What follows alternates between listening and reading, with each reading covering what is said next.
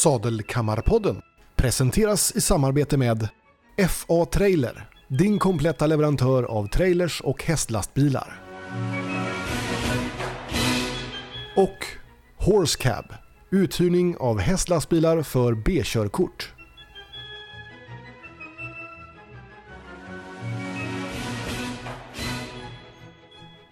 Hej och välkomna till Sadelkammarpodden. Idag har vi en eh, spännande gäst och det är nämligen Linnea Stray. Välkommen hit Linnea! Tackar, tackar. Ja, välkommen! Och så hör vi att Andreas är med också och eh, jag Sofia. Eh, vi har eh, träffat Linnea några gånger privat. Eh, vi har blivit rekommenderade dig av både eh, Anneli Borg som har vi haft som gäst här tidigare som dressyrryttare i Grand Prix.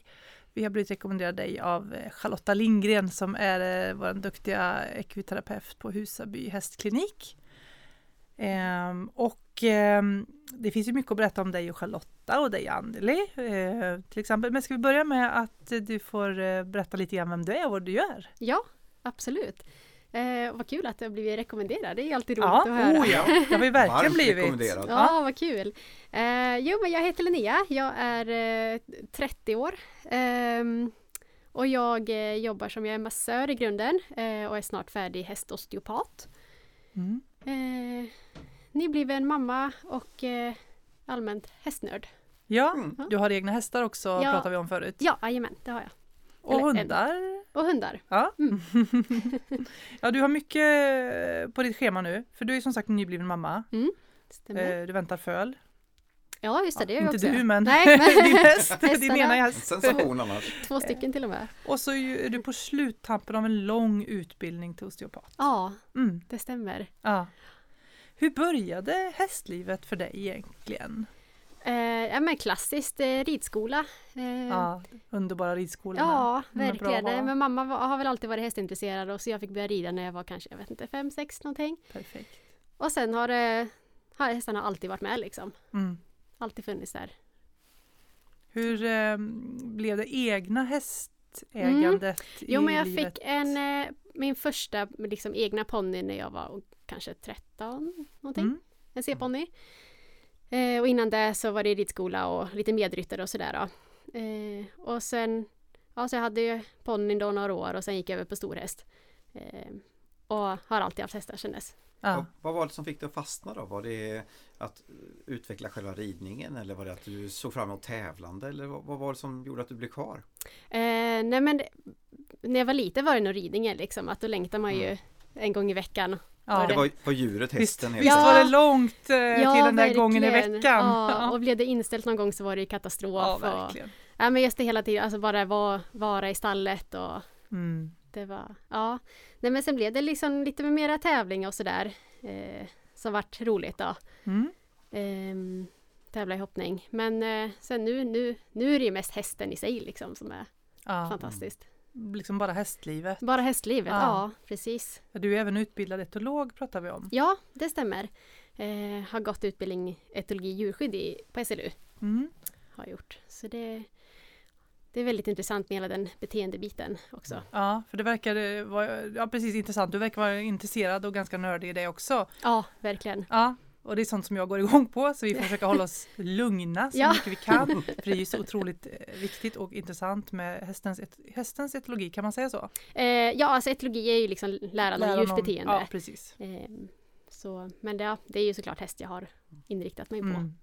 Men eh, får jag ställa en liten så här rak fråga. Hur ser du på hästen? Och det, är så- det är en sån himla bra fråga för det, det är så svårt att liksom eh, sätta ord på det. Jag har aldrig riktigt Mm. funderat på det egentligen. Men hästen är ju för mig är hästen liksom självklar, alltså en självklar del Mm. i mitt liv. Mm. Och har alltid varit. Jag kan liksom inte tänka mig ett liv utan hästar. Även om man är liksom trött på det lera och det kallt. Och här säger du i slutet på november, jag är imponerad. Precis! ja, när man står där och lagar en hage sent på kvällen. Och, Mm. men eh, nej, men hästar är ju fantastiska. Och jag tycker, alltså, de, är, de är så fina både på insidan och utsidan. Ja, Eh, och just det här att man kan ha ett sånt samspel med ett sånt stort djur. Liksom det. ett flyktdjur dessutom. Ja, precis. Och jag blir väldigt ofta liksom fascinerad över vad de låter oss göra egentligen. Hur snälla de är. Ja, Mm. inte minst bara om man inte har åkt någonsin i en transport själv så testa på det. Att få in en häst som gör det här dagligen och går in när man ska iväg på träning och allting. För gisses vad det är obehagligt med Ja. ljud och allting. Och det här gör de bara för att de litar på oss. Ja. Kom transportförsäljaren in här. Ja, ja. Därför är det viktigt att välja en bra transport. ja. ja men det är ju såklart jätteonaturligt Ja. att gå in i ett mörkt hål ensam och Ja. stå fastbunden. Och, ja, Och nej, en det är del hästar tycker det är roligt också. Alltså jag, vi har ju en som går in självmant Mm. i transporten. Det är lika fascinerande varje gång. Ja, ja, men då har han haft bra upplevelser med allting Mm. runt omkring. Spännande grejer som väntar. Ja, precis. Ja, det är häftigt. Ja. Ja, nej, Men, det var eh, fint, det var fint, ja förlåt Andreas, men det var fint sagt du sa det där med eh, hur du ser på hästen, att det är en sån självklarhet. Mm. Det tycker jag är, klingar vackert. Mm. Ja, men de Det- har ju liksom alltid, jag kan, så jag kan inte tänka mitt liv utan hästar liksom. Nej. Det är liksom hela min En medfödd kärlek identitet. kan man säga. Ja, precis, verkligen. Ja, för även om hästar har olika humör och temperament och allting så är det ju i grund och botten så är det ju väldigt mycket människan som har präglat dem på de erfarenheter och så de har fått av människor Mm, och hur verkligen. de agerar därefter. Ja, Eh, och jag tycker det som är så roligt också att de har olika personligheter mm. eh, och att man verkligen kan eh, man får anpassa sig efter deras personligheter också. Det, det Ja, är och du möter ju några hästar varje dag Ja. i ditt yrke. Ja, Och då får du anpassa dig och läsa in hela tiden. Ja, och det är väldigt liksom stor del av mitt jobb att jag måste väldigt, väldigt fort bestämma mig för vilken liksom, approach jag ska ha mot hästen Ja. för att kunna få en bra behandling. För vissa hästar behöver jag ju vara liksom väldigt liksom, försiktig och verkligen fråga om lov och sådär. Mm. Och vissa typer behöver jag vara lite mera liksom, bestämd och nu gör vi så här. Och, Mm. så det, är, det- är det oftast att du intervjuar huss och matte då innan du ska göra en första initialbehandling eller blir det att Eh. du känner efter lite grann mer med hästen i det fallet? Eller? Ja, nej, men ofta så, så berättar ju ägaren liksom lite grann. Men det, jag går ju mest på min egen känsla av, Mm. Ja, för det är deras är. upplevelser, inte dina upplevelser. Nej men precis, ofta så har ju man, alltså man känner ju sin häst bäst själv. Mm. Så är det ju. Men eh, det kan ju också vara liksom att när det kommer en främmande människa så beter sig hästen lite annorlunda. Ja. Mm. Så det, det är väldigt viktigt. Men hur hamnade du i den här yrkesbanan då? Var, var det det na- naturliga liksom att bara nej nu slutar jag med Ja. hoppning här utan nu ska jag Ja. behandla Nej, sluta med hästar. hoppning betyder väl inte, Nej. det det inte jag, för det det vågar jag här? inte längre. Nej. Nej men det är så här, jag, eh, Charlotta Lindgren som har också varit här och pratat. Ja. eh, Det är ju, henne har jag känt hela livet och det är egentligen hennes liksom eh, förtjänst att jag är det jag är idag. Mm. Och eh, det var egentligen, jag vet inte om jag var kanske 10-12 år, så eh, var jag med henne ute i stallet och sa att "Nej, men jag, ska, jag ska också bli ekiterapeut när jag blir stor. Åh, Ja. Ja, Vilken start! 10-12 år Ja. redan har du fått sett det, en av de ja bästa. precis, ja verkligen. Ja. Och hon var väl sådär, ja ja vad gulligt, vi får väl se liksom. Ehm, Men du hängde kvar. ja, jo, men jag gjorde lite annat efter studenten, jag jobbade på industri och, och körde truck och grejer gjorde jag. Men Ja, sen, Det eh, är det. Häftigt. ja, Du är inte bange för nej, variera det lite. Nej, nej men det var, nej men jag, jag var inte redo att plugga då efter, Nej. så jag jobbade några år. Men sen var det så att jag hade ett, eh, eh, jag har ju haft hästar hela tiden, då hade jag ett sto som var, hon var väldigt knepig både liksom, hon hade mycket bekymmer med kroppen men även mentalt. Mm. Eh, och där det var en sån frustration att inte liksom förstå henne och inte kunna hjälpa henne. Mm. Eh, så då kände jag där liksom att nej men nu, nu vill jag liksom gå vidare med det här. Mm. Så då, då ringde jag Lotta och så sa jag att nu, nu är det dags, Ja. nu kör vi. För, men du utbildar även till massör? Eller? Ja, precis. Ja. Ehm, Först massör? Eller? Ja, precis. Först massör. först här, jag började ju alltså på etologi och djurskydd 2015. Eh, och 2000, ja det är ju tre år utbildning. Mm. Eh, och 2016 hoppade jag på en massörutbildning då i Skåne. Mm. Eh, så jag gjorde lite dubbelt där ett tag. Eh, och så tog eh, nu ska vi se, examen 2018 då från SLU. Eh, I juni och i juli åkte jag ner till Tyskland och påbörjade den utbildningen. Hej. Ja, Ja. så det var lite, jag har kört på liksom. Ja men du hade ju kört truck ett tag. Så Ja. du, Ja, du visste ju precis. att nu, Jag var färdig med det Ja. liksom.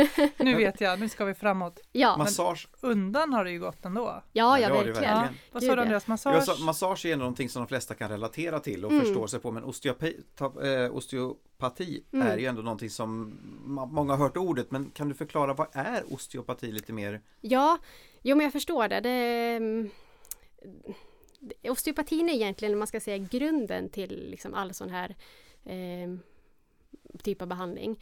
Eh, om man jämför med till exempel fysioterapi, kiropraktik, så där jobbar man ju liksom med muskler och leder, med Mm. rörelseapparaten. Men i liksom den, vad ska jag säga, den riktiga osteopatin så jobbar man med flera system i hästens kropp. Ehm, och då är det både rörelseapparaten men även det kraniosakrala och ehm, det viscerala, alltså organen. Mm. Eh, och allt som omsluter då, alltså fascian, bindväven. Eh, så det är egentligen eh, lite bredare, man har lite mera verktyg till de olika problemen i Mm. hästens kropp. Eh, eller människans kropp. Men det är generell kunskap om hela hästen, hur den fungerar, hur hela man ska hästen, ja. läka de olika delarna. Ja, det är ju liksom i stort sett eh, handlar det ju om, eh, alltså det är neurologi vi pluggar egentligen. Mm. Eh, och eh, såklart anatomi. Mm. Ja. Men eh, det är väldigt mycket liksom nervsystemet och både det autonoma och, eh, eh, och det sympatiska kontra parasympatiska nervsystemet. ja. Så det, Både det viljestyrda och icke viljestyrda. ja Mm. Kan vi precis. förenkla? Ja, precis. Ja. Ja. Nej, så det, och det är väldigt, väldigt roligt vad man kan göra med eh, att man liksom växlar mellan de här olika systemen i kroppen. Eh, så får man väldigt mycket liksom bredare resultat. Mm. Mm. Och Ja. just att som behandlare att komma åt ett icke viljestyrt eh, system i, i kroppen på, på häst i ditt fall då. Mm. Ehm, du känner ju hur musklerna liksom jobbar som svar. Mm. Kan man säga så? Ja, det kan man säga, absolut. Mm. Eh, och jag kan ju aldrig liksom jobba mot en muskel. Eh, utan jag måste ju liksom hela tiden, vi jobbar mycket med, vi kallar det side of ease. Eh, att man jobbar liksom med hästen, med kroppen och får den att slappna av och sen går man över till där, där problemet är liksom. Och lite svårt att förklara på. Ja, vi, kommer ju, då, men- vi har ju lagt ut en eh, liten ja, inspelning just Ja. ja. där en av uh, fuxherrarna här i stallet fick vara med. Ja, Och precis. även våran hund. Och hunden ja. Ja. Ja, just det. Så att eh, den kommer ni kunna hitta på Sadelkammarklubbens Punkt. hemsida ja, då, på, under vlogg. Så Ja, ligger det uppe det hur Linnea behandlar våra djur här. Ja, Mm. och där visar ju lite granna, det är lite delar av behandlingen kan man Ja, säga. vi har, Ja. vi har ju inte kunnat filma allt men Nej, men precis. smakprov. Lite smakprov, precis. Och, och det pratar jag också mycket att jag liksom går igenom och testar alla leder i hela kroppen. Eh, för även om, om ägaren kommer med liksom eh, att det här och det här är problemet så måste jag ändå testa hela hästen för att få en, en egen uppfattning och Mm. att man hittar andra saker också. Mm. Ja, precis. För sen finns det ju något som kallas för referred pain. Jag vet inte om det så är det på människa. Att smärtan kanske sitter i knät och så är orsaken ovanför höften. Absolut, absolut. Eh, jo men det är väldigt mycket och det handlar ju också om liksom nervsystemet. Man, man måste kunna vart nerverna går någonstans och vad det Mm. finns för liksom connections. Mm. Alltså det förstår jag, det är lite av ett detektivarbete för Ja, dig. verkligen. Det är hela tiden man får liksom kartlägga i bakhuvudet. Eh, Men som sagt var den här massageutbildningen på tre år då, så får du ner till Tyskland. Hur- Kan du beskriva hur går en sån här utbildning till för att bli osteopat? Eh, jo, men det, vi är ju, den här utbildningen är uppbyggd så att man är där eh, fem dagar, eh, fyra eller fem gånger om året. Mm. Och det är, eh, just nu är det 14 moduler men det kommer bli 16 moduler eh, på just den här utbildningen. Då. Ja. Ehm, så det är lite, ja det blir ju fyra år då, ungefär. Eh, nu har det ju varit lite utdraget med Mm. eh, Corona och sådär. Ehm, men då vi går igenom liksom hela kroppen. Eh, dagarna är så att vi har teori på förmiddagen och eh, praktik på eftermiddagen. Mm. Så det är varvat 50-50 ungefär med teori och praktik. Ja, kan skifta lite grann då men Mm. eh, ja, Men i snitt. generellt. Ja. Ganska mastigt då när du väl är där på plats eller? Ja, ja verkligen. Ja. verkligen. Man är ganska slut när man kommer hem. Och så hemstudier emellan. Ja, mycket. För det, vi har ju liksom egentligen ingen så kurslitteratur. Eller vi har ju eh, ja, lite grann då, men de är ju lite sådär att läs alla anatomiböcker ni hittar. Alla! Ja, Ja, Det i och finns för sig är anatomin samma då. ja, det, eh, ja, det de- kan skilja sig. Är det lite det? Ja, det kan Nej, det. vad häftigt! Ja, det måste det du är berätta om. mest, ja, det är väl mest liksom olika eh, nomenklatur, alltså olika om det är liksom den tyska skolan eller franska skolan eller Man är inte så. riktigt överens. Nej, nej, och det Nej. går ju långt, långt bak i tiden. Ja, jo det är ju så. Det har ju varit eh, under historiens tid olika mätsystem här i världen. ja och, precis. Det, Ja, och det är ja. precis samma Och sak. mycket härstammar från militären och deras kunskaper om hästen kan jag tänka mig också. Ja, Det, jo men så är det ju verkligen. det kanske är bra då att eh, läsa så mycket du kommer över för Ja. att få en helhetsgrepp. Ja, och så Ja. får man bara acceptera att det är olika och försöka hitta något, Hur medelvärde många, liksom. hur, mycket, hur många sidor tror du att du har läst under de här fyra Oj. åren? Ingen aning. Mycket. Mycket, ja. Men, men Ja. krävs det några förkunskaper eller sådär? Någonting som du skulle säga, liksom, eller kan vem som helst att nej nu ska jag bli hästosteopat här och ge mig iväg ner och söka skolan eller? Ja, nej, man måste då, eller den här utbildningen har i alla fall som krav att man måste ha någon slags eh, typ massageutbildning eller liknande. Ehm, men eh, sen är det klart att det underlättar ju väldigt mycket om man har jobbat med häst innan. Man, det är ju mycket lättare liksom. Mm. Mm. Eh, för att liksom man ska känna igen. För är det så att man inte har jobbat med hästar tidigare ehm, och då ska man, man ska lära sig så himla mycket då på den här tiden. Ja, det, är, det är lite annorlunda Ja, att jobba klart. med människa kontra att jobba med en häst. För hästen den gör kanske inte riktigt som du vill alla gånger. Utan den Tycker jag har inte sitt- människorna gör heller. Nej, tror det är faktiskt också som- sant. Det är Ja, ju nej, sant men- förstås. Nej, men du, på något du sätt har tror jag att det är lättare faktiskt med hästar. För Men att, de är mer direkta, det är det jag menar. För du, Ja. du ser vad de har för humör och så. Du känner, du känner ju av det när du kommer Ja. in. det finns liksom ingen sån placebo, det finns, de har liksom inga fördomar. Nej. Utan de känner det de känner. Mm. antingen så är det bra eller så är det dåligt. Precis, och det Ja. gick vi igenom med Sylvie också i ett tidigare program här med hur, eh, hur direkt respons man får hos hästen. Mm. De förställer sig inte, de har ju inte de här förutfattade Nej, meningarna. det lärde jag mig att jag måste vara lite mer vaken och öppen och inte lalla på i mitt eget så jag inte, så jag inte går miste om den här snabba responsen. Den kan vara ganska snabb ibland Mm. väl? Verkligen, och väldigt subtil. Ja. Ja, det går väldigt fort, det kan vara över på ett ögonblick också. Mm. Mm.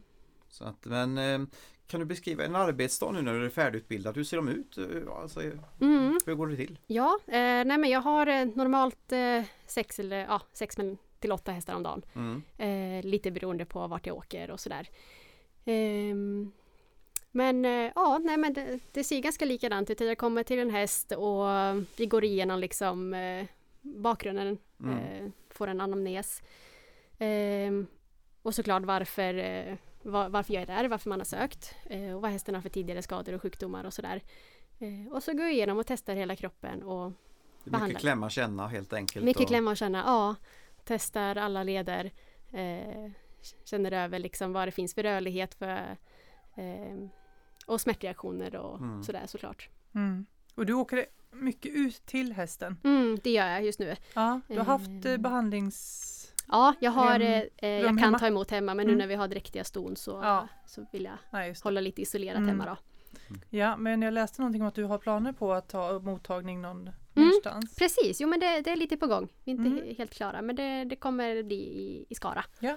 Och följer man dig på Instagram, strayhorse.se Mm. Eller Facebook, Stray strayhorse, Horse. Så, ja, så kanske det kommer en uppdatering om det sen. Det gör det absolut. Det får Men eh, du kanske föredrar att träffa hästen i sin hemmiljö eller spelar det ingen roll? Oftast är ju hästen liksom lugnare hemma, så är det ju. Mm. Ehm, men det är klart, då kan det ju vara lite svårare att få tider och... Ja, eh, det tar mycket på dig och tar mycket tid för dig kanske. Ja, jo men det är klart det gör. Men nu har ju ganska liksom ändå byggt upp eh, ganska mycket kunder på samma ställe så. Så det Mm. blir inte så mycket extra tid. Nej, det är smidigt. Ja, nej men det är Mm. väldigt, eh, väldigt bra. Är det. Mm. Men sli, ja, sliter det här på din kropp? För 68 hästar om dagen Mm. att eh, Som känna hovslagare, igenom? de får ju mycket tunga lyft och så är det Ja, precis. Och hovslaget det blir väldigt mycket statiskt. Liksom. Ja, det är samma. Ja, Mm. precis. Nej, men jag, eh, det, det sliter, det gör det absolut. Så jag får ju tänka väldigt mycket på hur jag använder min kropp. Och det är väldigt bra med den här utbildningen i Tyskland så är de väldigt, väldigt hårda med att vi måste använda kroppen rätt. Mm. Han kan vara sådär, ja, jag gör det sådär så kommer du bara kunna jobba i två år. Så, Ja, det är raka rör. ja, men verkligen, verkligen. Okej, vad gjorde jag nu liksom? Ehm, så jag måste verkligen tänka på att jag kan inte stå med axlarna upp i öronen och bara använda liksom handlederna utan jag måste Mm. använda hela kroppen och Mm. eh, jobba med hästen liksom. Ja, vad bra att de är att- på er eh, med det direkt från Ja, start. Liksom. Verkligen. För Ja. egentligen så är det just det att just den här monotona rörelser så det är ju någonting som finns i väldigt många yrken men jag kan det. tänka mig att den här utbildningen är, det här är ju någonting man fokuserar på just rörelser och kropp och eh, Mm. läka, läkande så. Ja, också för att vara effektiv i behandlingen så måste jag liksom kunna följa hästen och använda min kropp rätt. Mm. Ja. Så det är väldigt viktigt. Det blir lite som en dans. Ja, men lite så. och det kan jag ju känna också om jag blir, speciellt om jag blir trött i huvudet sent på dagen så att eh, jag börjar slarva och då får jag ju ont direkt i handleder och sådär. Ja, det är klart. Så det gäller att, att ha huvudet med. Men Unnar Men- du dig någonting då för att Ja, må jag bra? är väldigt glad över min laser. Ja. Eh, vet inte hur jag skulle klara mig utan den. Eh, nej men sen går jag ju själv och, eh, till två olika osteopater. eh, Mm. när det behövs. Ja. Och sen jobbar jag mycket med egen alltså rörlighet, mycket yoga och för man, man blir ju ganska stark när man jobbar med hästar. Mm. Eh, Mm. Så jag tycker inte själv att jag behöver liksom styrketräna men jag behöver hålla mig rörlig. Ja. Mjuk. Man blir lite stel i musklerna. Ja men det blir, det blir ju mycket eh, liksom att alltså, Statiskt. Ja, Ja. och armarna framför sig och fram axlarna och sådär. Mm. Så mycket liksom att Uppmjukande och... Ja, Men när du nu själv får dina behandlingar i så fall, kan du, vad är skillnaderna när man behandlar med osteopati, osteopati på dig själv Mm. eller på din häst? Vad, vad är, hur skiljer det sig åt de här sättet att använda det? Är det någonting? Ingenting eller? nej egentligen inte. Alltså osteopati är ju osteopati oavsett Mm. vem man använder det på liksom. Ehm, och sen kan det som är så bra är att du kan välja, du har väldigt mycket olika tekniker för egentligen samma problem. Ja, Och beroende på liksom vad eh, det som man tänker på hästar vad det är för typ av personlighet eller om det är mycket, mycket smärta eller eh, man kan prata om liksom livskraftigheten egentligen. Vad, vad klarar hästen? Mm. Man kan inte liksom vända ut och in på en häst som, som är lite svag. Eh, Nej, just det. så det, det måste man ju hela tiden liksom tänka på. Och, och det är det som är så bra med osteopatin, osteopatin då, att man kan välja liksom eh, till exempel att jobba lite mer kraniosakralt för att stärka immunförsvaret. mm. Eh, ja, för det här är fantastiskt för då får du ju faktiskt Du använder ju din egen lära Mm. i, det fallet så du får ju se själv responsen på vad det gör för effekt. Ja. Inte bara så du vet ju vad du triggar igång hos hästen också på det sättet. Ja, ja, verkligen, verkligen. Mm. Eh, och det, det vet jag, de osteopater som jag går till tycker att det är väldigt svårt att behandla någon som vet. Ja, Vad du ska förvänta dig. Ja, men det blir man liksom känner efter och säger, ja, vad gör du nu? Ja, men kan du inte bara liksom ligga här och bara Ligga och Var vara tyst bara? Ja, precis. Ja, men det är klart att man är nyfiken och intresserad. Ja, och... precis. Ja. Och, ja. Men är det samma sak här att det finns eh, liksom olika skolor och att de anses olika och så, här, så att det är mer status med ena och tänkandet den andra och så här, är det generellt att man är öppen?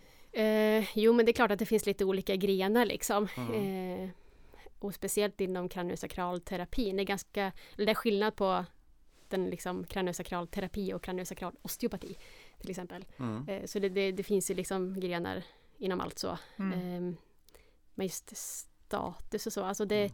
Det ena är inte finare än det andra utan det är bara olika verkningsområden. ja, jo men absolut. Mm. Absolut. Och ehm, det är nog mer liksom vad man, alltså olika personer som är duktiga på olika saker skulle jag Mm. säga.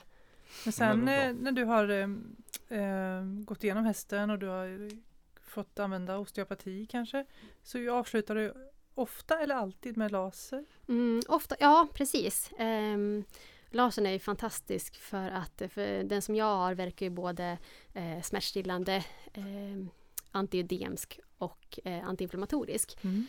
Eh, så har man något liksom problemområde, det som hästen har en gammal skada ehm, eller om man känner att det är ett område som är extra liksom, ansträngt eh, då kan man gå på lite mer med laser. Eh, Mm. Så jag lasrar liksom inte hela hästen men mer punkt. Där, du har, där du har hittat att du Mm. behöver? Precis, Ja. precis. Mm. Det Ja, nej, det, det måste jag bara få lägga in ett litet tips. Eh, vi hade ju mugg på um, hästarna just i somras när det En var torrt och fint i hagen och det var inte lätt att få det att läka. Det var väldigt mycket flugor i sommar också i och Mm. för sig.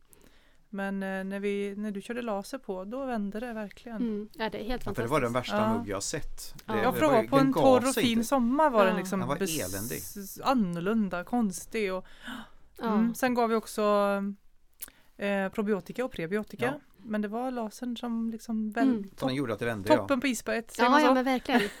Nej, lasern är otroligt bra. Ja, det Ja. var lite häftigt att vara med om faktiskt. Ja, Ja. För Vi har ju både laser och så finns det även stötvåg och så här. Det kanske, Ja. och ska vi, vad är skillnaden här? För att du jobbar med lite olika gör de här ja men det gör det absolut. Det är stor Stötvåg skillnad på... Jo Eller? men det är kanske Ja. inte alla som Mm. lyssnar som vet. Så det, Nej. Nej, nej men det är Mm. inte så lätt för det finns så himla mycket olika produkter på marknaden. Mm. Mm. Och det är inte så lätt att veta vad man ska, vem man ska vända sig till och sådär. Eh, men stötvåg och även liksom djupvåg och liknande är ju liksom mekaniskt. Eh, det vibrerar och går in och låter lite brutalt, man kan säga att det slår isär fibrerna. Mm. Mm. Och det är jättebra om du har eh, till exempel en gammal senskada med mycket ärrvävnad och sådär. Eh, men det här är ju liksom bara på veterinärs rekommendation.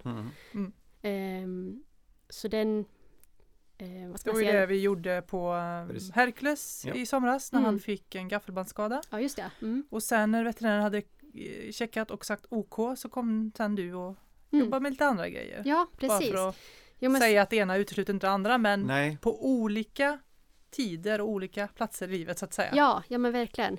Ehm, och just när man vill få igång liksom en, eh, en liksom verkligen ökad blodcirkulation Mm. och ny läkning så är stötvågen jättebra. helt enkelt när det är lite förstoppat i, Ja, men lite i så. kroppen Ja. så, så kan man Precis. chocka på det med stötvågen Ja, så att det jag släpper. Stod så precis eh, som att det liksom Mm, har blivit lite statiskt och stilla där. Kan man Och om vi säga tar så? lasern då? Ja, Vad, vad, hur jobbar den istället? Eh, jo men lasern det är liksom, det är ju ljusvågor som jobbar i olika frekvenser. Eh, och egentligen så går det in liksom och kickar igång energiverket i cellerna. Så Mm. du får en, en, eh, en ökad blodcirkulation eh, och även då liksom en, en eh, ökad läkningsprocess. Eh, och där kan man ju välja liksom lite olika freken- frekvenser beroende på vilken vävnad man vill åt och, och hur djupgående den ska vara och sådär. Så, Lite energidryck åt läkeprocessen ja men lite så, precis. Fast jag, får jag gissa nu att man inte ska ta laser direkt vid skadetillfället då eller? Eh, nej, eh, det ska man gärna För då vill man inte ha en ökad blodgenomströmning direkt Nej, så. nej precis, precis. Beroende och det, på det beroende hänt, på lite vad det är för skada och sådär också. så. Ja. Eh, men det, det är bra att, ehm, eh, att vänta några dagar. Det är det. Ja. Ehm, Det är Jag lite som ju- att man på en färsk skada, om det nu är en, en idrottsskada till exempel, att man kyler först. mm. Sen går man på med värme. ja men precis. För du Tänker vill man lite liksom, samma? Ja, jo men så är det ju. Och du vill ju först vill du ju liksom lugna ner processen. Ja. Eh, men sen vill du ju få det att läka. Sen vill du få igång Ja. läkningen ja. För just laser är någonting som du Sofia har fått testa på med illa vrickade leder och grejer hur det Mm. är extremt eh, Menar du på mig personligen? Ja, Ja, alltså det är ju, jag tycker det är jätteledsamt att det inte finns så mycket laser på, med, på, på humansidan. Vad jag Mm. har upplevt, det kanske andra har upplevt olika, men så som jag upplevt det. Eh, så jag fick ju leta mig fram till någon som ville hjälpa mig med min, eh, mina av, eh, avskurna, höll på att säga, det är ingen som har skurit av dem, men jag drog av ledbanden helt enkelt i Mm. foten. Och, det var fantastiskt att få laser, men det var ju liksom det var efter några väldigt dagar då. direkt, väldigt direkt respons också. Ja, Det- ja. Mm, Bara alltså, till och med när du gick ut från behandlingen så kände du stor Nej men skillnad. när hon körde lasern på foten så den fula färgen det var illblått var det väl och grönt och sådär. Liksom det mattades av färgen. Det Mm. blev, Mm. Ja, det har ju också en dränerande effekt. ja, Så, ja, nej, laser är fantastiskt. Men även där ska man ju vara försiktig. Eh, Man måste ju veta vad man gör och att man Mm. inte kan lasra för mycket. För du kan ju klart. också liksom eh, skapa problem av att, att eh, lasra Ja. för mycket då. För- intressant. Ja, för när, när ska Ja. man inte använda det här? Vi Precis. pratade lite grann om det tidigare Ja. just om att Ja men precis. Ja men, eh, ja, men just stötvåg och sådär och det är ju liksom veterinären som bestämmer. Mm. Ehm, och även liksom lite mildare djupvågsmaskiner ska man också vara försiktig med för det kan du ehm, att man inte ska göra för mycket liksom. Att man verkligen måste veta eh, vad man gör. mm. Eh, och just laser ska man eh, eh, Det är speciellt eh, om man infektioner, om du har en varböld till exempel. Ja. Så vill du inte lasra på för du vill inte öka trycket i det. Nej, för det var Ja, det just det vi sa, det pumpar på lite energidryck i, i systemet Ja, så att det precis. arbetar hårdare. Ja, precis. Så det är lite sådana grejer man får tänka på då. ja. Mm. Och så Eh. vet jag du pratar om att hästen får inte ha feber. Den får inte vara nyligen Ja, behandlad precis. med till exempel kortison. Ja, precis. Man vill, Alltså det finns lite sådana. det finns, ja. ja. och det är väldigt noga liksom att, att eh, som vi sa, det, vem som helst får, ska ju inte använda de här grejerna utan eh, man måste ju ha utbildning Ja. liksom. Men eh, man inte ska använda, är, någon, är någon skada eller åkomma som du har märkt att nej men det här ska man nog inte ha laser till eller är det för svårt att gå in på sådana specifika? Eh, ja, framförallt så ehm, Ja, nej, det är lite, det är lite svårt. Alltså, man vill ju alltid ha liksom en, en bra cirkulation. Ehm, men sen kan det också vara så att eh, har du en skada så måste du också se till att cirkulationen kan komma dit. Så det, ibland hjälper det Mm. inte att bara liksom lasra eh, till exempel en kota. Utan du måste ju se till att du har ett flöde till kotan. Ja såklart. Ja, visst. Så det, man Mm. måste ju, det är det där med att tänka på hela hästen. Ja. Som ska funka. ja Har du några- helheten. Är det några problem som du anser vara överrepresenterade idag i så fall på eh, på, På hästar, på, på menar hästar du, som över, du överlag träff- som du träffar? träffar som du Ja. känner att eh, Ja. ehm, jo men det, det, det är ju liksom ganska mycket eh, halsproblem är det ju och även ryggproblem. Ehm, och mycket liksom ridrelaterat. Eh, så det gäller ju att, ehm, att man rider hästen liksom i en bra form och ser till att den är redo för det, det jobb man gör. Mm. Så det är jätte, jätteviktigt att man liksom inte rider för hästen liksom i en för rund form. Och, Inför rundform. ja, eller liksom att den går för mycket bakom lod. Ja, ja. Eh, Du, det skulle väl säga är liksom ett av de största problemen vi Ja. har just nu. I alla fall med ridhästar då. ja. Eh, men sen, Det här är ett problem då att det är alla olika ryttare och alla olika skolade och sen så Ja. tycker man vad är för mycket och vad är inte för mycket. ja, Och då, ja, då blir det ju Mm. en del problem som kan uppstå förstår jag ju. ja men det är jättesvårt och det är jätteviktigt att ta hjälp liksom, av en duktig tränare som ser ja. ehm, hur man liksom får hästen till att gå i en eh, korrekt form. Mm. Mm, det är så jag- viktigt Mm. att är ju- investera i eh, en bra tränare Ja, och eh, jajamän. ha en dialog där. Ja, Dels ha en viktig och en, en fast punkt och men också att man ibland går utanför den här zonen kanske och, och bara checkar av lite grann vad andra tycker Ja, också. precis. Att man provar någon mer för att det blir ju lätt att man blir insnöad på just sin träningsmetod och alltihopa. Så det, Ja, men man ska hitta någon som man känner att det här, att det här känns funkar bra, bra. ja. Ja, Mm. och, det var så här. och sen tyckte jag, vi var ju och träffade Anneli Borg eh, för ett par veckor sedan och du var Mm. också där. Mm. Eh, Det var en jättehärlig stund för elever och andra som var intresserade. Hon sa något så bra nämligen att förs- ha gärna din fasta tränare, byt inte hela tiden. Ha en fast tränare, om man nu givetvis då tycker att den är bra och det fungerar. Eh, men och sen kan man ju liksom prova lite annat ibland. Men återgå alltid till din fasta tränare så du har en röd tråd. Tråd, ja. mm. Det Men det tror kan jag är man- ganska bra.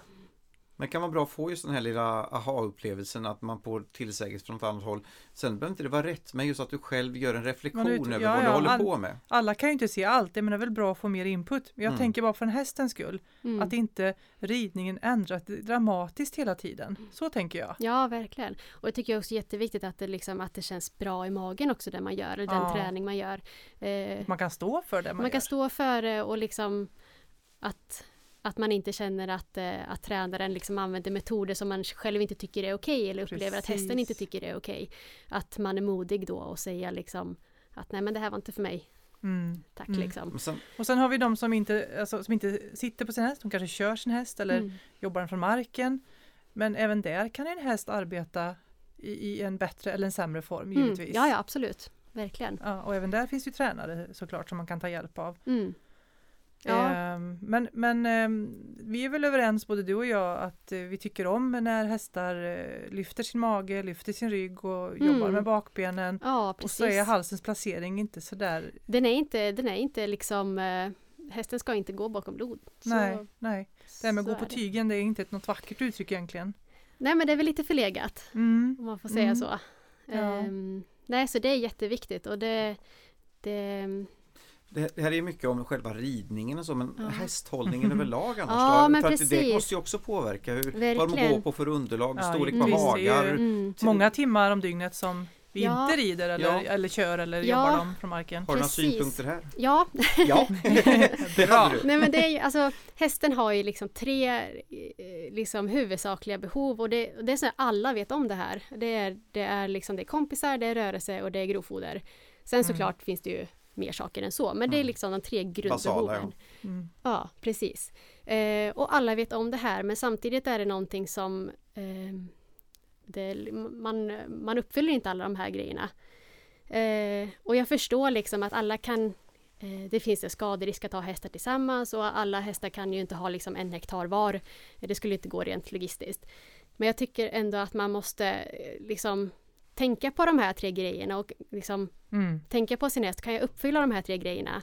Nej, jag har liksom står i ett stall där eh, de går ensamma i små hagar. Eh, men då kanske man måste se till att ja, men då får man gå lite extra promenader eller eh, se till att de har en lite mer grovfoder att tugga på och sådär. Mm. Eh, Ja, för hästen har ju inte valt att hamna hos oss själva alla gånger utan det är, vi har ju ändå tagit till oss de här och då ja, ja men får vi göra de precis. bästa förutsättningarna. Ja, Ja. att man inte bara av slentrian låter det gå utan att man som Ja. du säger frågar sig hela tiden. Kan jag Ja. lösa de här tre eller åtminstone två av dem? Ja, Och vad kan jag göra annars? och det, det är så ofta jag får frågan liksom om ja, men det är tillskott och det är produkter och vad ska man göra och vad ska man använda. Eh, och att det, det blir så väldigt eh, liksom produktorienterat. Ja. Eh, Medan de här grejerna är liksom det, det, är så, det är så grundläggande och väldigt enkla saker egentligen. Eh, och ha, kan man uppfylla de tre sakerna så har man i grunden en ganska så nöjd häst. Mm. Eh, och det är klart att det finns undantag. Det, det är ju helt... Eh, eh, det har jag förståelse för. Men, eh, men jag tycker att man ska liksom... Man ska tänka på de grejerna. Mm. Mm. Mm. Ja, det är extremt viktigt. För Mm. det, hästen har ju lite svårt att kommunicera ibland med oss så att Ja. vi måste göra det åt dem. Ja, och visst liksom att vi har, vi har avlat transporthästar och sådär men vi har inte ändrat på hästens matsmältningssystem. Och vi har inte ändrat, det är fortfarande en häst som behöver rörelse och den behöver eh, det, här, det sociala, den behöver kompisar. Ja. Ja. men det är miljoner års evolution i Mm. det här. Fick Precis. lära mig en gång i tiden när jag gick på Strömsholm och det är så jättelänge sedan jag gick där nu så jag vet inte om jag kommer ihåg rätt men att hästar har sån ledvätska som inte är designad för att stå still. Mm, ja men hela kroppen är ju så att den ska ju röra sig hela hela tiden. Ja, Och magen är ju så att den måste liksom äta lite hela hela tiden. ja det är en liten magsäck konstigt nog i det stora djuret. Ja men precis. Och just liksom att det, alltså mm, eh, att man inte ska ge för mycket kraftfoder då. Ja, Eh, och likadant är jag förstår att alltså, vissa hästar har liksom ett annat näringsbehov. Ehm, ja olika, ja, olika blodslinjer. och- ja men mm, precis, mm, precis. Men det ska ju fortfarande vara grovfoder som är liksom den största, den största givan. Mm, Mm. Eh, mm. Så det, ja jag tycker att man ska Det finns liksom inga produkter som kan ersätta en god hästhållning. Nej, nej. Det är, det är komplement, inte ersättning. Mm, ja men Mm. verkligen. Mm. Så jag kan tänka mig också att underlaget är ju extremt viktigt på hur mycket du Oh. blir inblandad och inte. Det är något som Eh, härjar mig på nätterna Ja, ibland, det det här med underlag. Mm. November som vi sa, det regnar och eländigt Mm. och sen så Ja. är det lera till knäna och Ja, hur ska man göra liksom? Och så Ja. grusar man upp det stenhårt. Eh, Mm. Alltså allt det här och även när vi rider, det är otroligt mycket man ska tänka på men Märker du av nu? Eh, ja. Ja men det, det är lite sådana här faser liksom. I, det, det är jättetydligt när alla börjar täcka sina hästar. Då blir det liksom nya spänningar i manke och bogar. Ah, det är För att liksom- man täcker. Ja, Inte för att de står och fryser utan ma- man täcker. det är väldigt tydligt när aj. kommer på. jag är ju likadant med mina hästar. Så jag, Nu fryser matten, nu får ni täcka. ja men precis. Eller också så kanske det är att man är lite lat som vi, våran lilla gris här ute som älskar att rulla sig. Så kan det också vara. Ja, då blir det ju att eh, är det lite blött och skit och så vet man att han kommer rulla sig direkt. Eh, Kanske Mm, inte ja. är svinkallt men Ja. Jag är så, man, är, man blir nojig av olika orsaker. I Ja. vårt fall har vi två rygghästar, får vi kalla dem det så? Mm. Mm. De har ju lite problem med SC-lederna. Och då är jag så rädd att de ska bli kalla över ryggen. Mm. Men du märker då, sa du, att eh, nu täcker vi på och då blir det lite spänningar för det sitter och det trycker och det drar Ja framförallt att det snett blir och- liksom, ja, har de gått liksom utan hela sommaren och Ja, fri som en fågel. Ja men lite så och sen, och det, alltså jag har ju också täckt upp mina hästar så jag säger inte att det är fel, absolut inte. Du säger bara vad du känner. Jag säger vad jag känner, Ja. precis. Ja. Och likadant den första halkan kommer, då, är, då har vi alla de här fläkningsskadorna och, Ja. och sådär. Så det, det går verkligen i, i olika faser. Tycker du att eh, den halkiga leran som är i vissa hagar nu, ja. inga hagar nämnda Andreas? Nej. Nej, vi har eh, gjort så gott vi har kunnat. Ja. ja. Eh, Men märker du att det blir någonting eh, i kroppen på hästarna eller går det inte att säga att Jo men man ser ju mycket de här, eh, ja men det är lite samma som liksom när första isen kommer, att det blir ju halt för hästarna. Eh, Mm. Och speciellt Mm. om man har hästar som springer väldigt mycket och gör sådana slidestop och Ja. Grejer. inte vana. det har Ja. vi? Ja. Ja, De tror de är västernästan allihopa. Ja. De har lärt sig av Frosty. ja. Ja men det är lite isande i magen tycker jag när man går och hämtar hästarna i hagen. Eh, Vi har stora hagar så vi får Mm. alltid gå ganska långt bort av någon anledning. Mm. Och så ser man vägen en och en halv meters långt slidestop liksom i Ja. leran. Det Ja. är inte roligt att se. Nej, och, alltså ofta så klarar de det bra men det är ju lätt att de får några ben åt sidan och sådär och så sträcker de sig. Och, men eh, hellre att de får gå i en stor hage och kan röra sig. Tycker Oh jag. ja, det måste ju Absolut. vara, det är, oh, nu får vi inte tänka så. Nej. Det gjorde måste ju faktiskt vara så att vi- det vi absolut försökte bästa. Ja, för vi försöker Jag gränsa av som inte skulle få upp farten på samma sätt så vi gjorde lite zigzagspår för dem och satte Ja, Det kan man göra. Ja. Mm. för att få dem att sänka hastigheten lite grann. Ja, Om man har sådana busar som vi har så kan man göra lite, lite eh, halvhalter på vägen ja, åtminstone. ja precis. Mm. Lite Man måste eftertänksamhet. vara Ja. lite kreativ. Ja, men Ja. så är det verkligen. Ja. Men är det, är det alltid som så att eh, finns det problemfria hästar eller är de alltid att du hittar någonting när du kommer Då ut? vill jag eller? ha en sån om du hittar någon. Ja. Ja, nej Ja. det finns inte. Alltså lite så, så fort du sätter på en grimma på hästen så skapar du spänningar. Ja. Eh, men sen är det också så att alla alla spänningar och låsningar och det behöver inte vara liksom eh, smärta för hästen. Nej. Och det är väldigt olika. Eh, man pratar liksom om smärttröskeltolerans och sådär. Eh, Ja, för vi tar ju olika som människor också. En del Ja. gör ju jätteont att fläka en nagel och en del kan bli av med hela benet och de vill knappt gå till läkaren ändå. nej, nej precis. Nej, så det är väldigt, väldigt olika. Eh, men ja, jag hittar alltid saker att jobba med på hästarna. Mm. Du lär inte bli arbetslös. Nej, Och det, det innebär Och det- också att hästägaren ja. ska inte behöva ha panik över att man hittar någonting. För det nej, nej betyda att man absolut gjort fel. inte. Nej, och det, och Men liksom det är ibland... bra sagt, för så kände jag i början Ja. lite grann. Ja, Jag ville ju komma ut med ett, med ett klart papper som var bildbesiktningen. Ja. Ja, Glöm nej, det, nej, nej, det, det maskin finns inte. nej, och, och liksom jag, jag är så, jag noterar ju allt jag hittar på min journal så det kan ju se ut som liksom världens katastrof och det Mm. liksom det ringar och noteringar precis överallt på hästbilden jag har då. Ehm, men det behöver inte betyda att, att hästen liksom mår jättedåligt. Nej. Men såklart det är bra att um, få ordning på de här grejerna. Mm. Och det är, och jag får jätteofta den frågan liksom att ha, har min häst ont? Ehm, och ibland är det ju väldigt uppenbart att liksom hästen Mm. reagerar och ja, den här hästen har ont. Ehm, men vi, vissa hästar är ju väldigt så stoneface. Och det måste vi komma ihåg att hästen är ett bytesdjur och den vill inte visa att den har ont. Nej, den vill Nej, inte bli precis. ansatt utav rovdjur. Nej, precis. Ehm, så vi kan aldrig utesluta smärta. Nej, Och det måste vi också liksom ha i bakhuvudet. Att, eh, jätteviktigt. Ja. Och lite det här liksom att, men problem, men den har alltid gjort så. Ja, ja, men det betyder ju inte att det är normalt. Nej. Eller liksom, det betyder bara att hästen har haft Mycket det problemet sagt. länge. Mm. Det, Ja. men är, är det vanligt att folk ändå gör den här, vi var inne på bil, bi- bilbesiktning förut, men just att man servar och tar hand om i förebyggande syften eller Ja. blir det mest att du ska eh, åtgärda skador som redan finns? Nej, nej men alltså jag, vi jobbar ju med friskvård och vi vill Mm. jobba liksom förebyggande. Eh, så jag har ju de allra flesta är ju återkommande, eh, lite på olika intervall. Eh, vissa är liksom kanske åtta veckor och vissa är Mm. på tre, fyra månader. Och, Vilka eh, fantastiska hästägare finns Ja, där ute. det är helt otroligt och det, Ja. då märker man ju bra. direkt liksom om det är någonting på gång och så då kan man skicka dem eh, till veterinär då. Ehm, eller För du jobbar som, som, det är också sånt Charlottas ledstjärna att det är ju teamet runt omkring. Ja, det att är man är inte en ensam profet här utan man Mm. ska ta hjälp av varandra. Ja, och sen också jätteviktigt att, att är hästen halt eller har ont så är det veterinär först. Mm. Ja, precis. Eh, det är jätte, jätteviktigt för att eh, det får jag också fråga liksom att ja men hästen är lite halt och lite varm i kota kan du inte bara komma och lasra? Ja. Eh, och liksom det, jag, är, jag är inte veterinär, jag har Nej. inte röntgensyn, jag har inte liksom... Nej. Jag Det kan, är jag, inte bara symptomet som ska behandlas nej, utan du måste behandla Ja. problemet också. och är det så Mm, att exakt. eh, jag faktiskt eh, skulle då liksom lasra på den kotan så kommer ju hästen, det är, i och med att den har smärtlindrande effekt så kommer ju hästen att känna sig bättre. Mm. och då Ja, kanske det är så att den går ut och förvärrar den eventuella skadan. Ja, precis. Så att alltid veterinär först. Mm. Mm. Mm. Ja, nej, men det, det är viktigt. Är det några andra som du känner här, utöver veterinären som, som du jobbar närmare med? Eller är det, eh, Hovslagare. hovslagare. Tandläkare. Mm. Ja, och det skulle jag önska liksom att man ju alla har ett mycket eh, liksom närmare samarbete, att man pratar med, med varandra. Mm. För det kan ju vara så här liksom att en hovslagare har en, en plan att eh, man vill liksom ändra en vinkel eller sådär. Och då skulle det vara så himla himla bra om man kunde eh, eh, samarbeta då liksom att Mm. eh, ja men det stämmer ihop med de här spänningarna i bogarna till exempel. Mm. Precis, så- jag blev så himla glad igår. Hanna, om du hör detta, duktig. jag ringer eh, hovslagaren som ska komma imorgon och berättar att eh, vi nyligen har varit inne hos veterinären och jag har funderat lite på vad vi ska göra.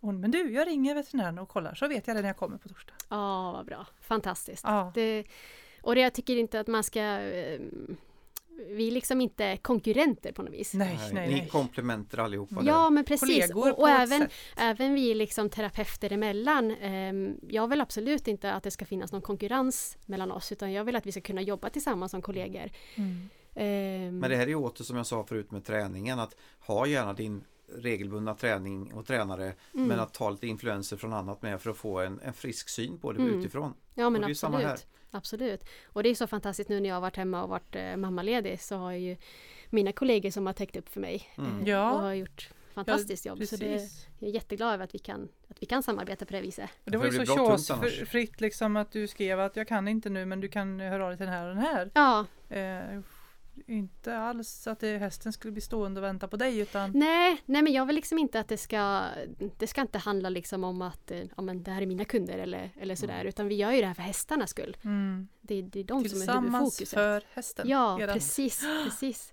Och är det så då att hästen liksom, man upplever att hästen funkar bättre med en annan terapeut, ja men då, är det, då får du också en mycket bättre behandling. Mm, Så mm. det, ja nej, ingen, det ska inte finnas någon konkurrens. Det är väl väldigt skönt i så fall att man kan ha det så. Har du några Du har ju kommit väldigt många bra tips. Har du några mer tips som du skulle skicka med oss på vägen som vi har glömt att prata om eller? Ehm, Vi har nej. varit inne på viktiga grejer. Oj, ja men det har vi. Mycket rörelse behöver de. Mycket rörelse. Mycket grovfoder, Ja, mycket Kompisar. grovfoder, kompisar. Ja, och ja, men lite åter till det där liksom. Jag förstår att man inte kan lösa alla grejer rent Nej, logistiskt. liksom man står i inackorderingsstall och sådär. Ehm, Man får göra men så tänk, gott tänk på grejerna. Ja, Eh, precis. Sluta inte tänk på dem. Nej men precis. Och ja, men, gå lite extra promenader. Se till att hästen kanske får prata med boxkompisen då om den inte får träffa någon annan. Eller Mm. liksom ehm, Ja, tänk lite mer på Ta det. lite extra tid i stallet också. Är de mycket ensamma, de behöver social kontakt Mm. även med sin ägare. Ja, Att man faktiskt går in och ryktar och vi är ju ett substitut som funkar ibland faktiskt. Vi har Mm. ju en, en kille som nyligen beställde sjukhagen nu Ja, och usch ja. då får vi greja lite extra med Ja, honom. jo, men det är Med klart, ja. och det här också, lägg, lägg undan telefonen och liksom vara var lite Mm. Aj, aj, aj. närvarande. när Jag är som älskar att ta kort på mina hästar Ja, ja men det kan man väl göra. Men, ja, men det, det ser jag så mycket liksom att ja, men det är mycket telefoner liksom när man sitter och rider också. Det, Mm. jag, mm, jag, hästen känner ju nu. det. Alltså jag var lite Ja, närvarande. det, det är och, bra råd. För det Andreas, när du är med hästarna så skulle du kunna sluta prata i telefon, eller hur? Mm. Ja. Det Beror på vilken tid på dygnet det är också. Ja, det är arbetstid eller Du har inte. aldrig gjort Efter. Du har aldrig gjort det när du rider, Nej. men du gör det ofta när du Men är däremot så vet jag när vi väl rider så har jag en hustru som säger Kan du inte ta kort? Kan du inte ta kort? Och då ska jag plocka upp och ta kort mitt under ridturen. Så att, Det är inte så att jag gillar att vara med på bild, tvärtom. Nej. Jag förstör ofta bilden. men det är ju naturupplevelserna. Men, och, eh, Jo, men det är klart. Ha kort på hästarna och hundarna och barnen. Och, Ja, men, men vi kan väl försöka enas om att kamera är okej så länge man vill föreviga trevliga ja men precis, ja. Nu blev vi sams igen. Ja, bra.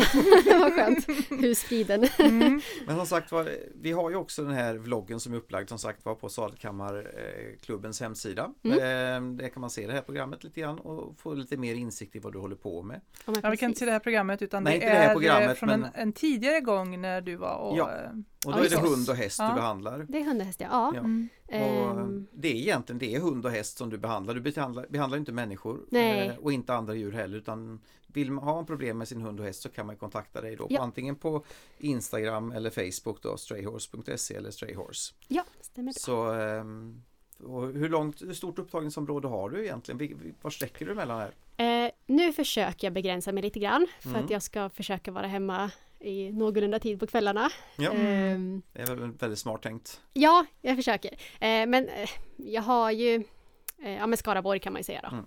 Mm. Ehm, Och så gör du lite avstickare ibland. Jag gör lite avstickare, lägger ut ja. då på typ Instagram har jag sett någon gång. ja men det gör jag absolut. Jag, har, jag har ett gäng uppe i Västmanland i och med att jag har bott där innan då. Mm. Så har jag eh, mitt gamla stall kan man väl säga. Ja.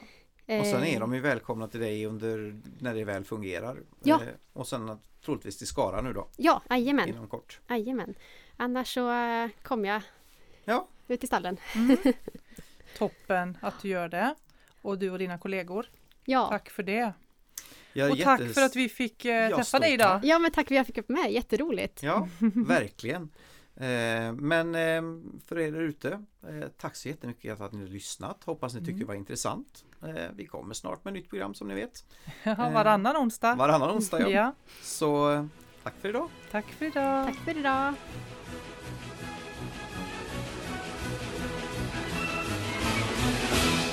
Sadelkammarpodden presenterades i samarbete med FA Trailer, din kompletta leverantör av trailers och hästlastbilar.